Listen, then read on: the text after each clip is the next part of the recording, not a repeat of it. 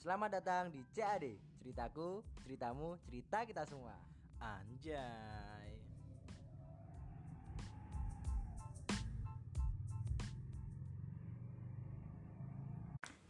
Halo Sobat Sambat, sudahkah Anda bercerita hari ini? Kalau belum, cerita aja dulu Kembali dengan podcast cerita aja dulu Dengan teman saya Enaknya kita akan bahas apa nih?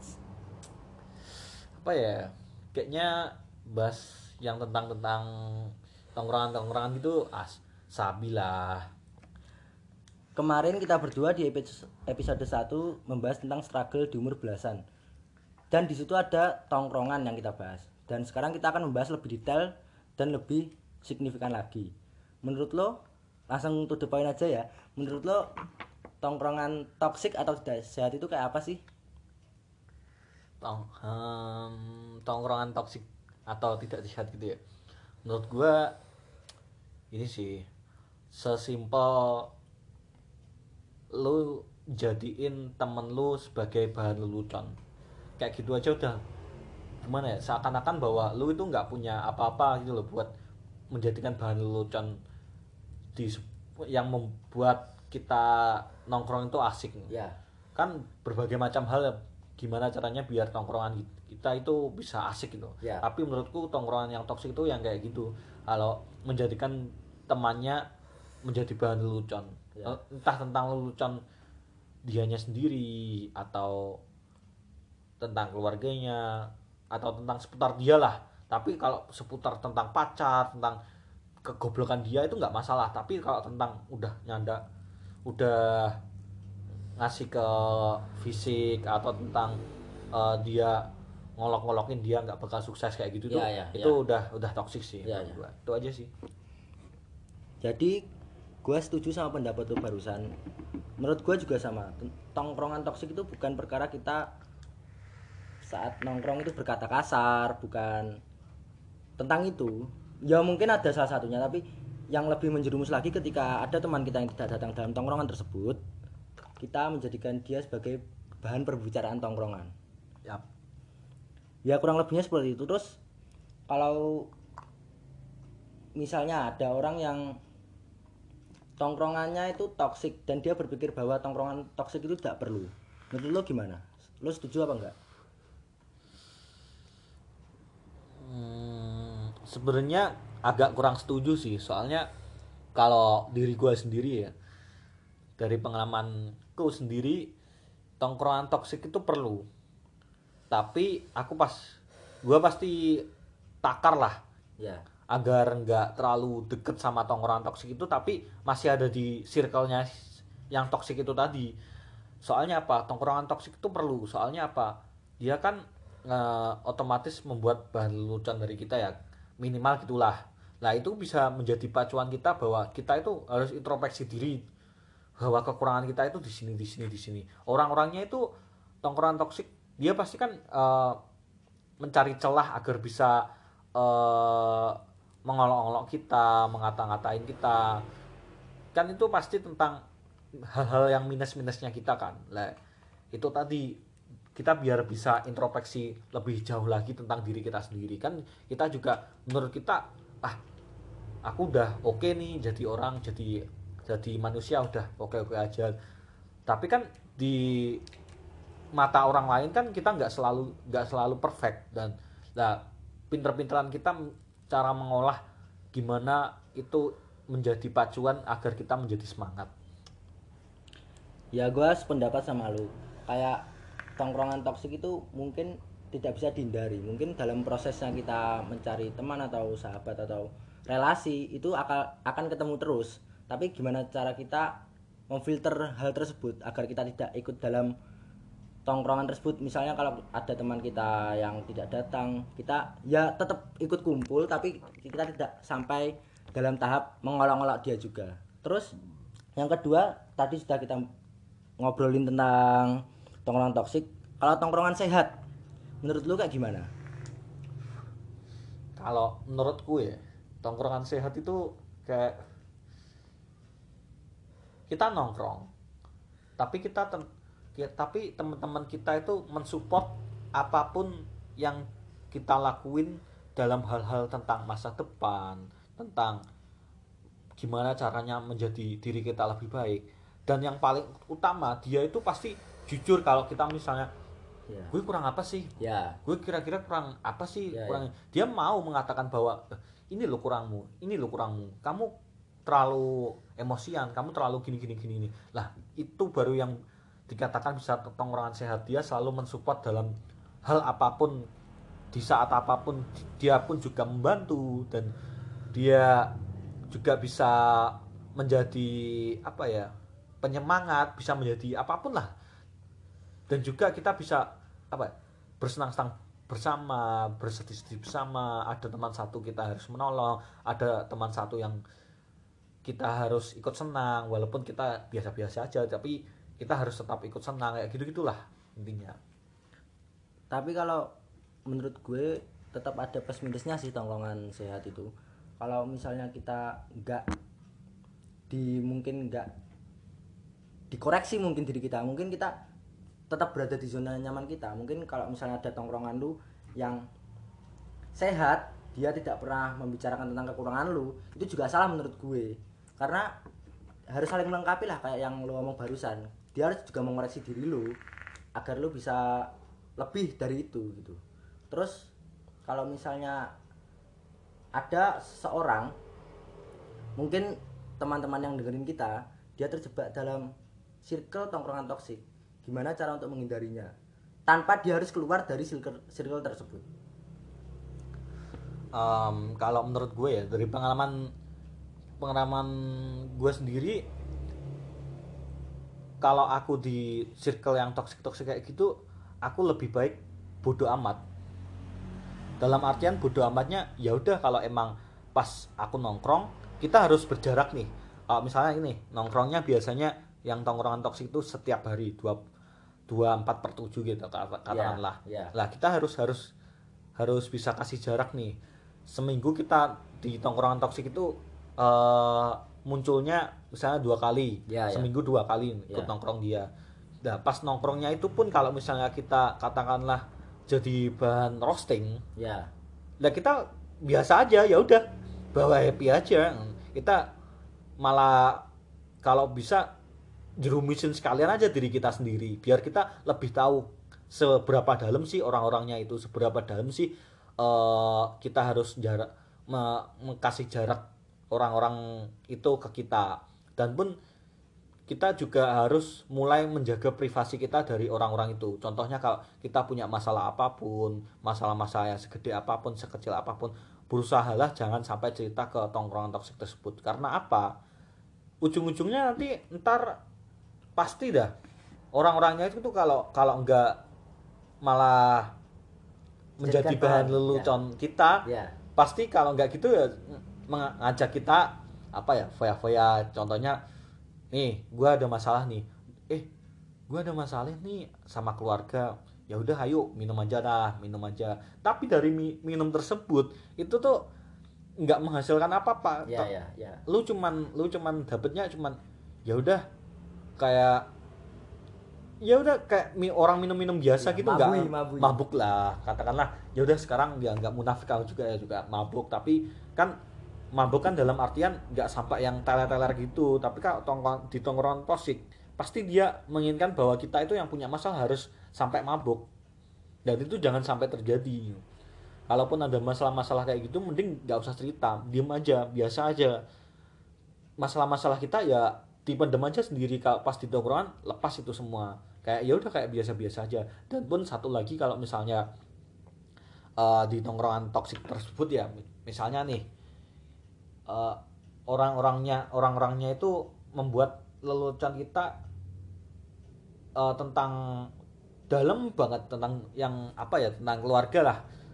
Misalnya contohnya nih gue gue pernah eh, kan ini gue udah nggak nggak punya bapak nih udah nggak punya bapak. Lah kayak gitu ya udah jerumisin aja sekalian. Tapi kita dalam tanda kutip kita jangan sampai kebawa baper. Ya ya semakin ya. kita baper semakin dia ngerosting kita le- ya ya. yang lebih lebih lebih dan Ya, lebih. ya. kita harus tahu jarak-jaraknya tersebut harus tahu eh, ini nih nggak usah diceritain nih. Lah apa-apa apa-apapun itu ya dibuat happy aja tetap happy tetap happy. Cuman kita harus dikit-dikit lah dikit-dikit kita harus mulai menjaraki itu tadi. Tapi jangan sampai kalau misalnya eh kenapa lu kok sekarang nggak nggak pernah nongkrong sama gue.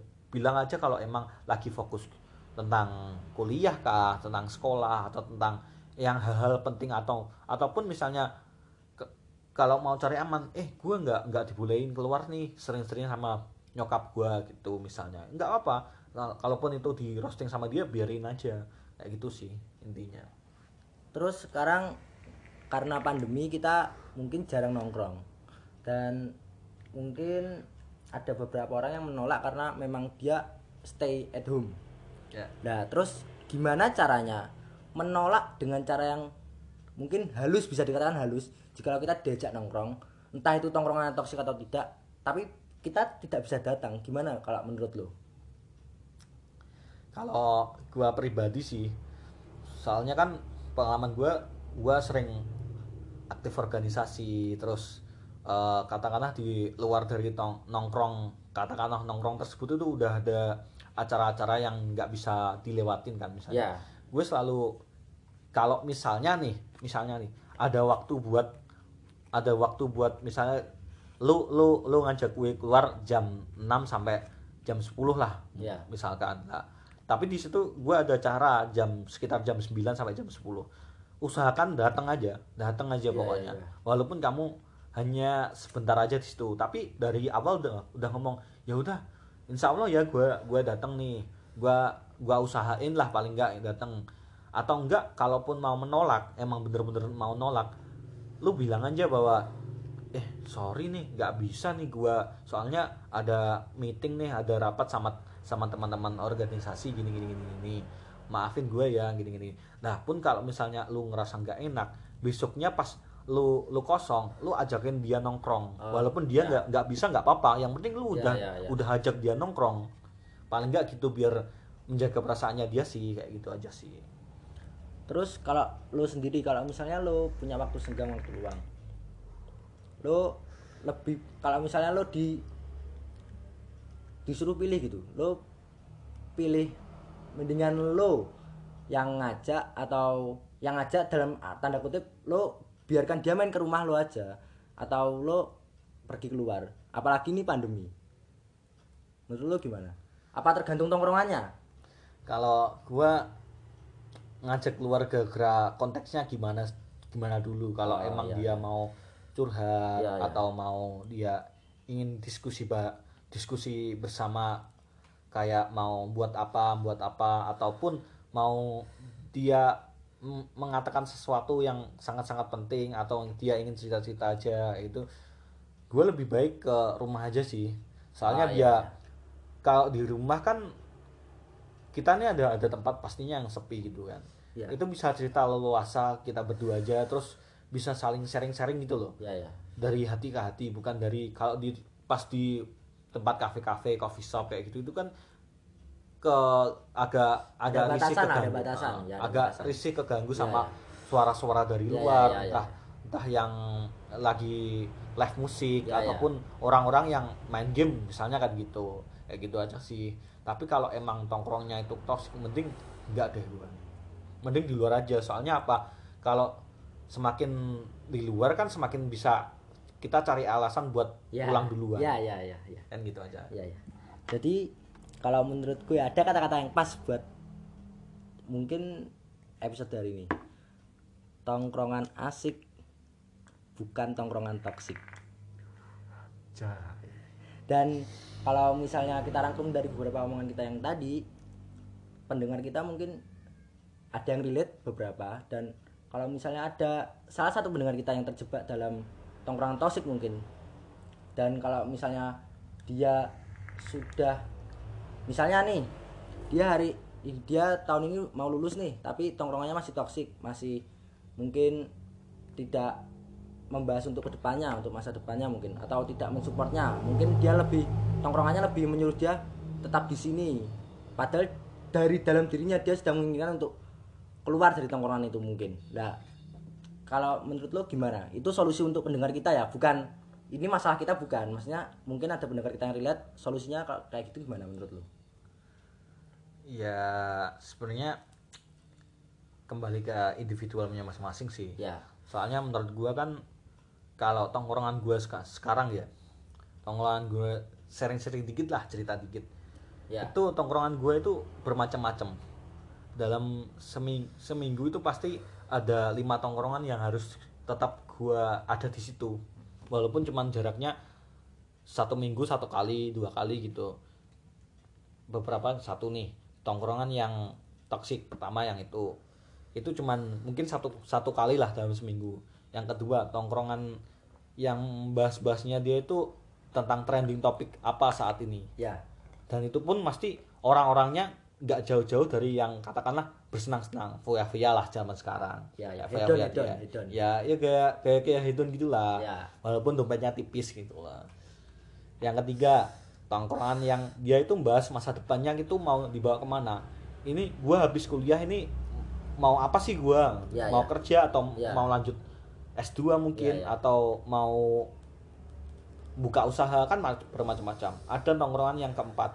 Tongkrongan keempat itu yang bahas-bahas tentang dunia sedang lagi apa sih ini? ya Tentang kehidupan-kehidupan. Ya, lah. ya. Dia itu memaknai kehidupan itu yang kayak gimana. Terus yang kelima, tongkrongan yang eh, orang-orangnya dalam tanda kutip eh, pendiam-pendiam atau orang-orang yang baik-baik yang nggak ngerokok, yang nggak suka kata kasar, Ya, walaupun ya. gua berkata kasar. ya ya ya Terus yang nggak suka minum-minum, yang nggak suka tentang hal-hal yang negatif lah katakanlah gitu.